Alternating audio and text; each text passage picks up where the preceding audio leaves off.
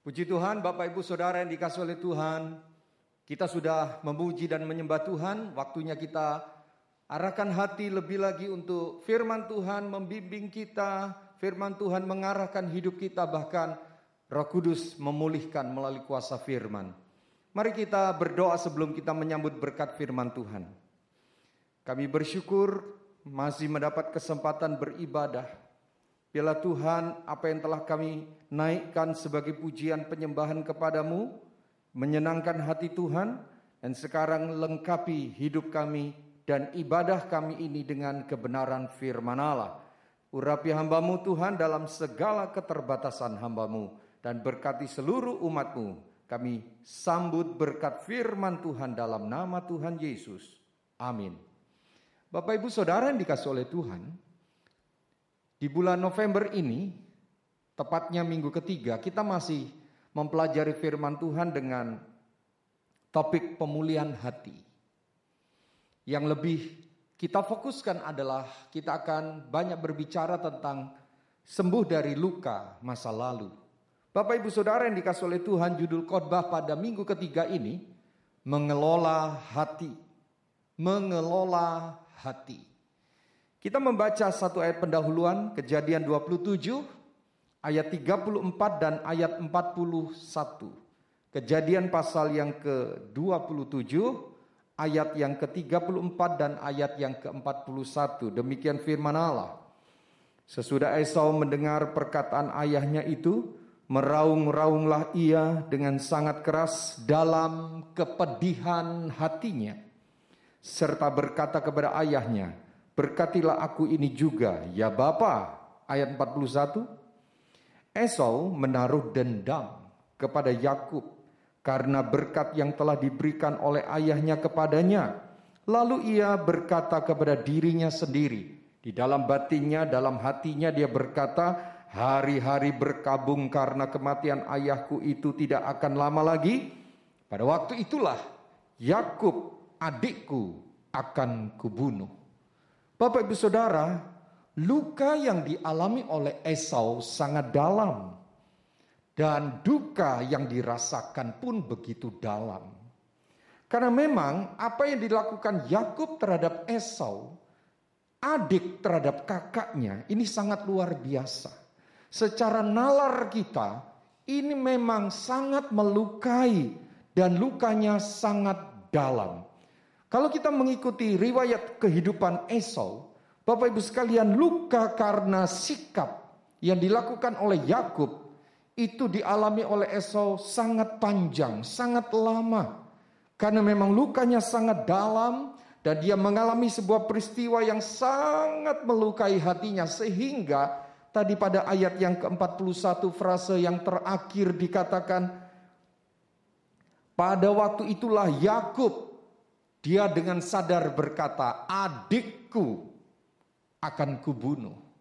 Bapak ibu sekalian, Esau tidak mampu mengelola luka hatinya. Esau tidak sanggup mengelola perasaan-perasaan buruk yang muncul karena terluka. Oleh karena itu judul khotbah pada hari ini saya berikan judul mengelola luka. Bapak Ibu Saudara yang dikasih oleh Tuhan, kalau saya analogikan luka secara batin atau luka secara perasaan dengan luka secara fisik, ada beberapa kondisi yang menyebabkan luka secara fisik itu sulit sembuh. Analogi ini saudara ikuti kalau itu adalah luka hati, luka batin. Saudara bisa membayangkan itu. Nah, luka secara fisik itu sulit sembuh, ada beberapa penyebabnya. Beberapa saja saya singgung sedikit, jelaskan supaya kita bisa membayangkan betapa pentingnya kita memahami bagaimana luka batin, luka hati, perasaan yang terluka itu pun bisa pulih atau bagaimana karena apa tidak bisa pulih. Luka secara fisik Bapak Ibu sulit untuk menjadi sembuh karena yang pertama si penderita mengalami anemia. Anemia adalah penyakit yang berkaitan dengan persoalan darah. Ketika orang mengalami sakit anemia yang berkaitan dengan masalah darah, maka itu akan dapat membuat suplai darah kepada jaringan yang luka itu terhambat, terganggu. Sehingga proses pemulihan yang harus dikerjakan oleh sel darah putih tidak maksimal, akibatnya adalah lukanya sulit sembuh. Jadi persoalan pertama anemia, kekurangan sel-sel darah yang dibutuhkan untuk proses penyembuhan luka. Luka juga sulit sembuh karena ada unsur stres. Stres secara fisik maupun stres secara kejiwaan. Kelelahan itu stres secara fisik. Marah, galau, ingin membalas tapi tidak bisa, itu stres secara psikologi. Dan ini sangat terbukti akan menghambat proses penyembuhan luka secara fisik. Dan ini diduga orang-orang yang mengalami stres secara fisik maupun stres secara psikologis itu suplai oksigen dalam darah berkurang sehingga proses penyembuhan terhadap luka itu pun menjadi lambat. Yang ketiga, usia. Orang-orang yang pada usia lanjut ketika mengalami luka secara fisik, maka lukanya relatif lambat sembuhnya atau, atau relatif lama menjadi sembuh karena faktor usia mengalami penurunan-penurunan hal-hal yang sehat yang baik dalam tubuhnya, dalam sel-sel darahnya, dalam organ tubuhnya sehingga proses penyembuhan luka pada usia lanjut itu juga cukup lama. Yang berikutnya kekurangan nutrisi. Orang-orang yang kekurangan nutrisi, kekurangan vitamin misalnya seperti vitamin C, atau protein dan zat besi itu juga akan mengalami proses pemulihan luka lama karena terjadi hambatan yang harusnya zat-zat nutrisi vitamin C zat besi ini akan membantu proses pemulihan luka karena dia kekurangan nutrisi maka proses pemulihan luka pun menjadi lama dan lain-lainnya ada banyak faktor kenapa luka secara fisik itu sulit sembuh Nah, Bapak Ibu sekalian, supaya luka dapat sembuh dengan baik, maka dibutuhkan perawatan yang memadai. Itu tadi istirahat yang cukup, tidak mengalami stres, makanan yang sehat, tidak kekurangan darah dan lain sebagainya. Bahkan bila perlu kalau luka itu terbuka dan berpotensi infeksi, maka luka itu harus ditutup dengan perban, harus dijaga sedemikian rupa. Nah, saudara yang kasih, yang saya ceritakan ini, saya ingin membawa saudara sebuah kepada sebuah kesadaran bahwa bagaimana Tuhan itu menciptakan sistem tubuh kita bisa mengelola luka itu disembuhkan secara natural, secara alami karena sistem tubuh yang bekerja. Tapi kalau sistem tubuh ini tidak bekerja dengan baik, maka luka itu akan sulit sembuh. Nah, Bapak Ibu, demikian juga Tuhan juga telah memberikan manusia kemampuan. Katakan kemampuan. Ya, kemampuan. Kemampuan apa? Kemampuan beradaptasi. Kemampuan untuk berjuang menghadapi hidup, kemampuan untuk mengelola stres, kemampuan untuk mengelola perasaan, kemampuan untuk mengelola kalau kita hubungkan dengan khotbah pada hari ini luka yang terjadi di dalam perasaan atau batin atau hati. Mari kita baca nats utama. Kita akan belajar bagaimana Hana seorang wanita yang suaminya memiliki wanita yang lain. Dia di madu, dia istri tua, suaminya punya istri muda. Hana ini akhirnya menjadi ibunda daripada Nabi Samuel. Mari membaca nats utama kita 1 Samuel pasal 1 ayat 6 sampai 10, ada baiknya Bapak Ibu Saudara nanti membaca mulai ayat 1. 1 Samuel pasal yang ke 1 ayat 6 mulai sampai dengan 10. Demikian firman Allah. Tetapi madunya selalu menyakiti hatinya supaya ia gusar. Madunya ini adalah istri mudanya suaminya. Madunya ini namanya Penina. Karena Tuhan telah menutup kandungannya, menutup kandungan Hana. Ayat 7. Demikianlah terjadi dari tahun ke tahun setiap kali Hana pergi ke rumah Tuhan, Penina menyakiti hati Hana. Jelas Hana tersakiti. Hana terluka sehingga Hana menangis dan tidak mau makan. Ayat 8, lalu Elkana suaminya berkata kepadanya, Hana, mengapa engkau menangis dan mengapa engkau tidak mau makan? Mengapa hatimu sedih? Bukankah aku lebih berharga bagimu daripada sepuluh anak laki-laki? Pada suatu kali setelah mereka habis makan dan minum di Silo, berdirilah Hana sedang Imam Eli duduk di kursi dekat tiang pintu bait suci Tuhan. Dan dengan hati pedih karena luka sikap daripada Penina atau dari madunya ini. Dengan hati pedih Hana berdoa kepada Tuhan sambil menangis terseduh-seduh. Bapak ibu saudara amatilah. Bagaimana Hana mengelola luka di hatinya.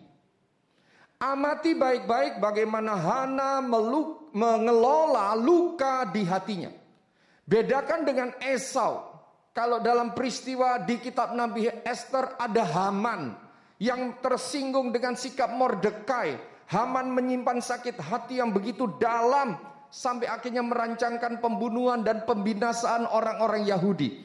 Saudara bedakan, bandingkan, amati baik-baik. Hana terluka. Terluka yang sangat lama. Tetapi Hana dicatat oleh Alkitab dia pergi ke rumah Allah.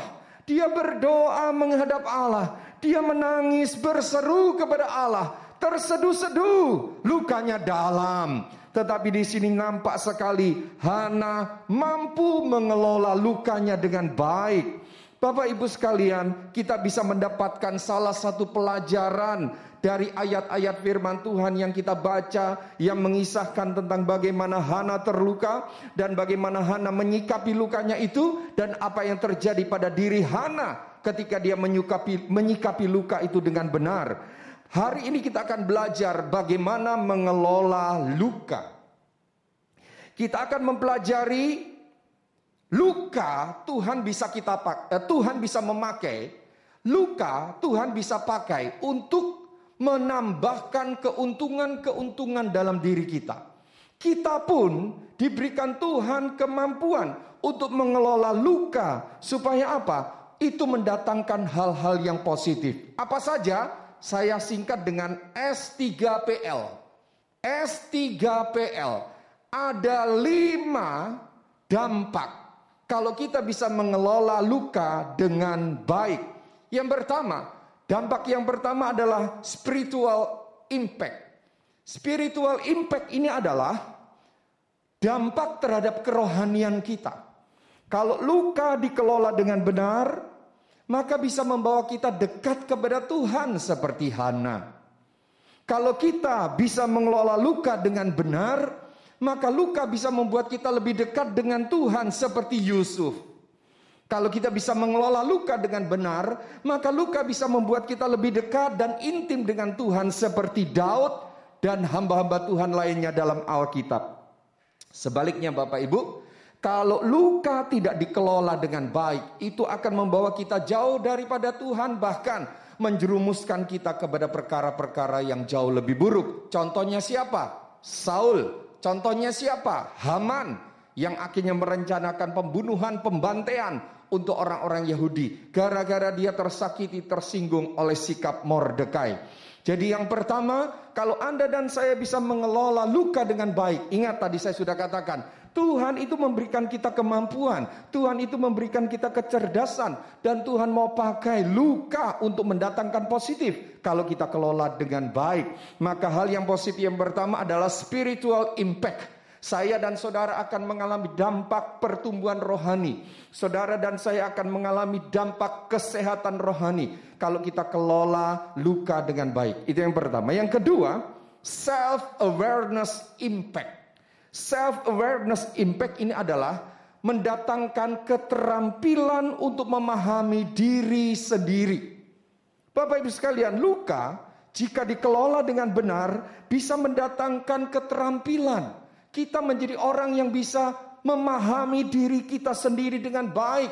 Sebaliknya, jika luka tidak dikelola dengan benar, bisa membuat seseorang semakin rapuh hidupnya. Kalau dalam teori tentang uh, gambar diri, maka saya menemukan orang-orang yang buta atau orang-orang yang tidak memahami dirinya sendiri, ini adalah orang-orang yang sangat berbahaya. Kenapa? Karena dia merasa tidak terluka, dia merasa sikapnya tidak aneh, dia merasa sikapnya oke-oke saja, padahal orang lain melihat orang ini terluka. Orang ini mengekspresikan lukanya dengan tingkah laku yang tidak baik, tapi dia tidak memahami, orang lain memahami. Ini yang disebut buta.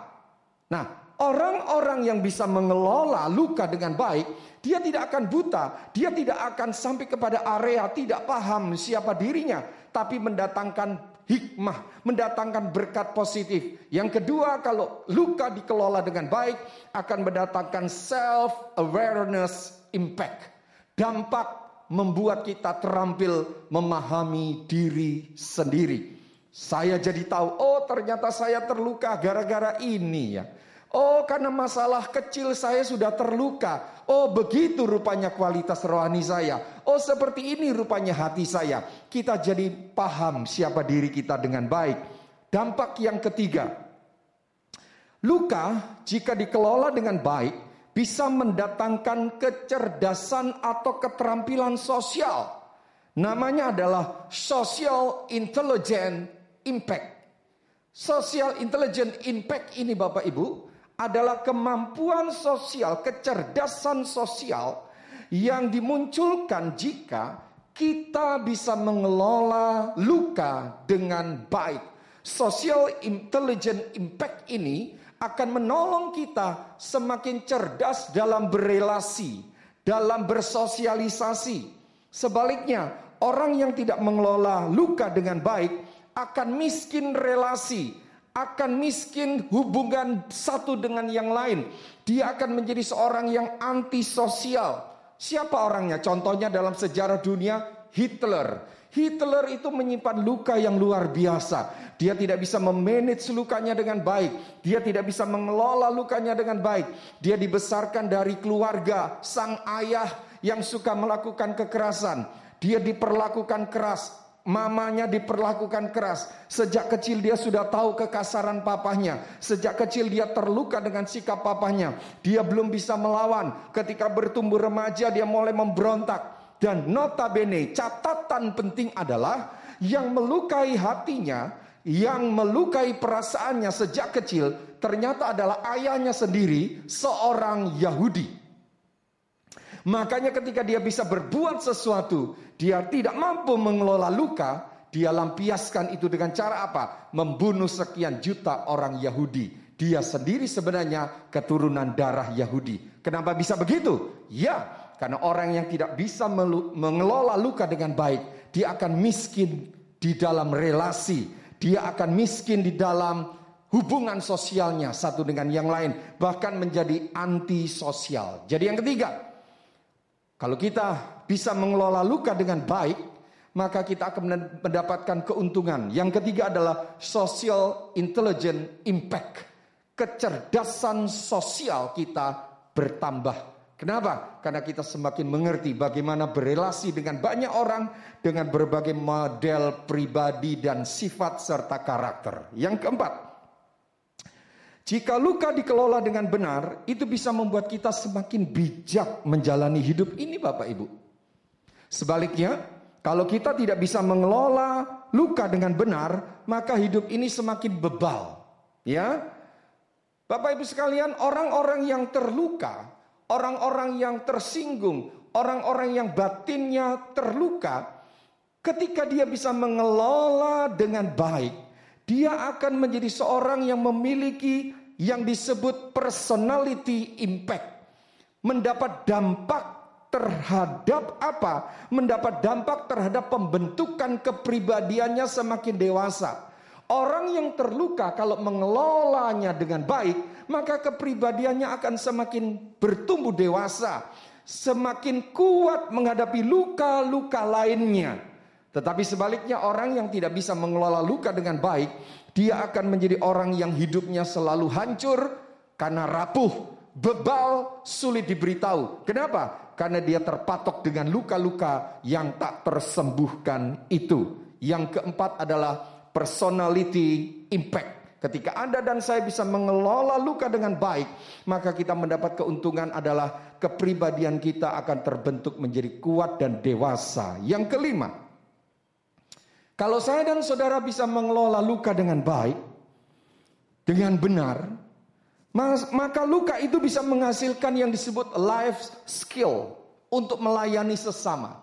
Kita akan memiliki keterampilan hidup untuk melayani sesama akibat kita pernah luka dan luka itu telah sembuh karena dikelola dengan benar. Sebaliknya Bapak Ibu, jika orang yang terluka dan tidak mengelola luka dengan baik, dengan benar, maka akan muncul yang disebut akar pahit dan akar pahit ini akan mengancaukan banyak orang. Jadi dampak yang kelima S3PL. Yang kelima L-nya adalah life impact atau life impacting. Saudara dan saya akan mendapatkan dampak untuk kehidupan kita semakin baik, semakin bisa menerima kenyataan, semakin bisa menerima keadaan, semakin bisa memahami orang lain, semakin bisa melayani orang-orang lain yang terluka, yang dulu dirinya juga pernah terluka tetapi sudah sembuh, maka dia akan punya skill dalam kehidupan ini untuk melayani orang-orang lain yang masih terluka. Puji Tuhan, luar biasa.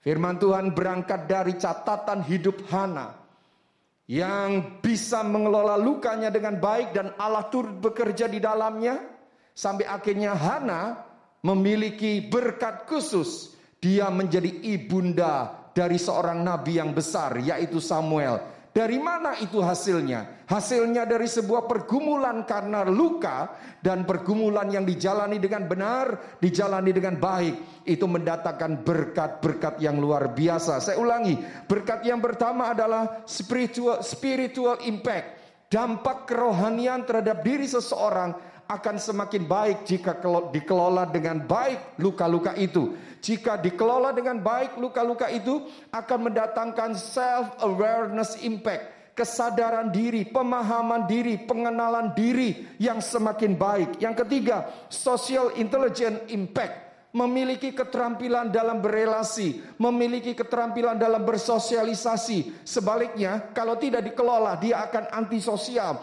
dia akan miskin relasi, dia akan merasa seorang diri dan dunia ini memusuhi dia. Itulah contoh yang tidak baik Hitler. Yang keempat, jika luka dikelola dengan baik, akan mendatangkan personality impact. Dia akan menjadi seorang yang semakin mengerti bagaimana menjalani kehidupan ini lalu menyikapi orang-orang di sekitarnya dengan cara yang benar. Yang kelima, life impact. Dia bisa melayani sesamanya yang masih terluka karena dia memiliki keterampilan, dia memiliki pengalaman, dia memiliki skill bagaimana sembuh dari luka dan orang-orang seperti ini dipakai Tuhan akan jadi berkat bagi banyak orang. Saya masuk pada bagian penutup.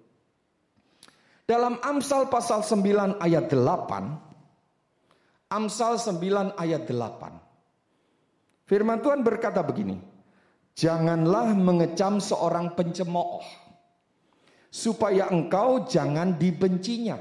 Ingat, jangan engkau mengecam seorang pencemooh.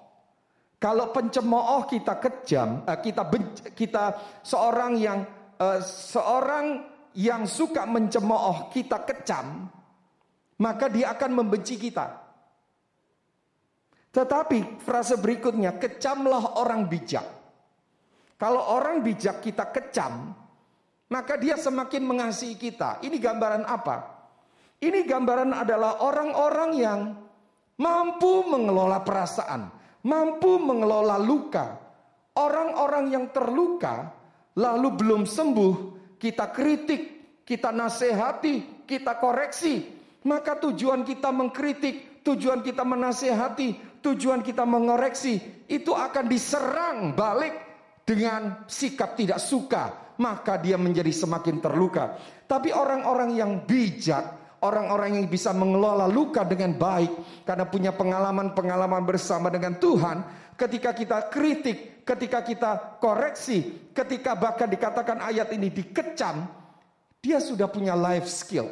Dia sudah punya keterampilan hidup dia bisa tetap mengasihi orang yang ingin melukai perasaannya. Bapak Ibu sekalian, jika kita bijak mengelola perasaan kita, walaupun orang mencemooh kita, walaupun orang melukai kita, tetap saja kita bisa mengasihi orang itu. Berbanding terbalik dengan orang yang tidak bisa mengelola luka dengan baik. Luka kecil menjadi luka sedang, luka sedang menjadi luka besar, luka besar menjadi luka parah, dan tentu tidak boleh terjadi dalam diri kita semua. Bapak Ibu sekalian, pesan Tuhan hari ini, kelola luka dengan baik. Jangan biarkan lukamu itu ternganga, terbuka, menjadi bernanah dan berulat, lalu mendatangkan penyakit-penyakit yang lain dalam batinmu. Izinkan Tuhan merawat saudara, Izinkan Tuhan dengan tangan kasihnya memproses hidupmu. Izinkan Tuhan sedang membentuk keuntungan-keuntungan. Sedang membentuk perkara-perkara yang baik dalam hidupmu melalui luka-luka yang sedang Anda hadapi hari ini. Jangan terus menangisi diri, jangan terus menyalahkan orang lain. Mari bangkit. Sesungguhnya Tuhan sudah memberikan kepada kita kemampuan untuk mengelola luka. Sebagaimana Tuhan memberikan tubuh jasmani kita ada kemampuan untuk menyembuhkan luka secara fisik. Demikian juga secara roh. Allah menyediakan penolong untuk kita supaya kita bisa sembuh dari luka masa lalu. Siapa hari ini yang mendengar firman Tuhan? Anda ingin sembuh tapi Anda tidak pernah bisa sembuh kenapa karena saudara memiliki hambatan-hambatan menjadi sembuh oleh karena itu kelolalah dengan baik perasaanmu. Jangan terus menyalahkan keadaan. Jangan terus fokus kepada orang yang menyakitimu. Jangan terus anggap orang itu sangat jahat. Jangan terus memikirkan lukamu, kerugian-kerugianmu. Pikirkan yang baik, pikirkan yang mulia, pikirkan supaya hidupmu bisa pulih dan jadi berkat bagi banyak orang. Mari kita berdoa. Roh Kudus engkau menjamah setiap pribadi. Di rumah, di kantor, di toko, di warung, di mana saja umatmu mengikuti ibadah pada hari ini. Engkau menjamah Tuhan. Engkau memulihkan hati. Setiap orang yang berseru, saya mau dipulihkan Tuhan. Biarlah roh kudus menjamah. Roh Kudus memulihkan, kuasa Tuhan dinyatakan, kesembuhan luka-luka masa lalu terjadi. Roh Kudus menolong, Roh Kudus mengingatkan hal-hal apa yang tersembunyi, hal-hal apa yang tertutupi, hal-hal apa yang terkubur, yang masih mengganggu. Siang hari ini dalam nama Tuhan Yesus, sore hari ini dalam nama Tuhan Yesus, malam hari ini sembuhlah engkau. Kuasa Tuhan dinyatakan dan setiap orang yang percaya akan kuasa firman dan doa, engkau mengalami pemulihan hati. Terima kasih Bapak untuk firman-Mu. Biarlah kami sungguh-sungguh merdeka. Kami boleh mengalami kesembuhan dari luka-luka masa lalu. Terima kasih untuk firman yang Tuhan lengkapi sejak minggu pertama, minggu kedua hingga minggu yang ketiga ini. Kami mau terus bertumbuh. Meteraikan berkat firman-Mu, kami bersyukur, kami terima pemulihan daripadamu, dan mengakhiri pemberitaan firman Tuhan yang kami terima. Dalam nama Tuhan Yesus, haleluya bersama katakan, amin. Amin, Tuhan memberkati.